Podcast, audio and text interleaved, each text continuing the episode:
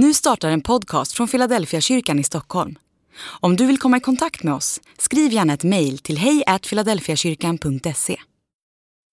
Dag 318 Helighet Vi har vårt ursprung i honom.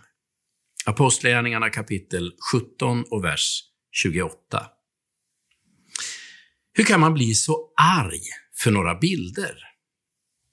När Jyllandsposten valde att publicera 12 Mohammed-karikatyrer i september 2005 blev reaktionerna starka i den muslimska världen.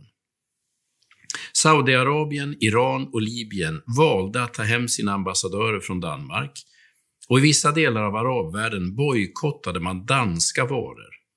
På TV kunde man se uppretade folkmassor bränna danska flaggor och Jyllandsposten och tecknarna fick ta emot flera allvarliga hot.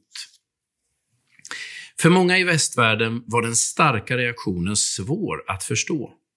Vi uppfattar ju inte längre det religiösa som något heligt, i så fall bara symboliskt. Profeter, frälsare och gudomligheter väcker inget starkare gensvar i människors hjärtan idag. Religiösa bilder och föreställningar är något man skämtar om. Om man möter någon som betraktar detta som heligt brukar man i bästa fall vara oförstående, men i värsta fall visa misstänksamhet eller rent förakt.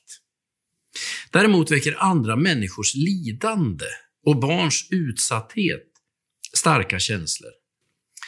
Den sekuläre svensken är mycket generös när det gäller att avhjälpa nöd och förbättra situationen för lidande människor. När katastrofer kommer och naturen visar sin värsta sida, då blir vi berörda. Och jag tror att vi skulle ha svårt att tåla karikatyrer på utsatta barn och plågade medmänniskor. Det finns fortfarande saker som är heliga.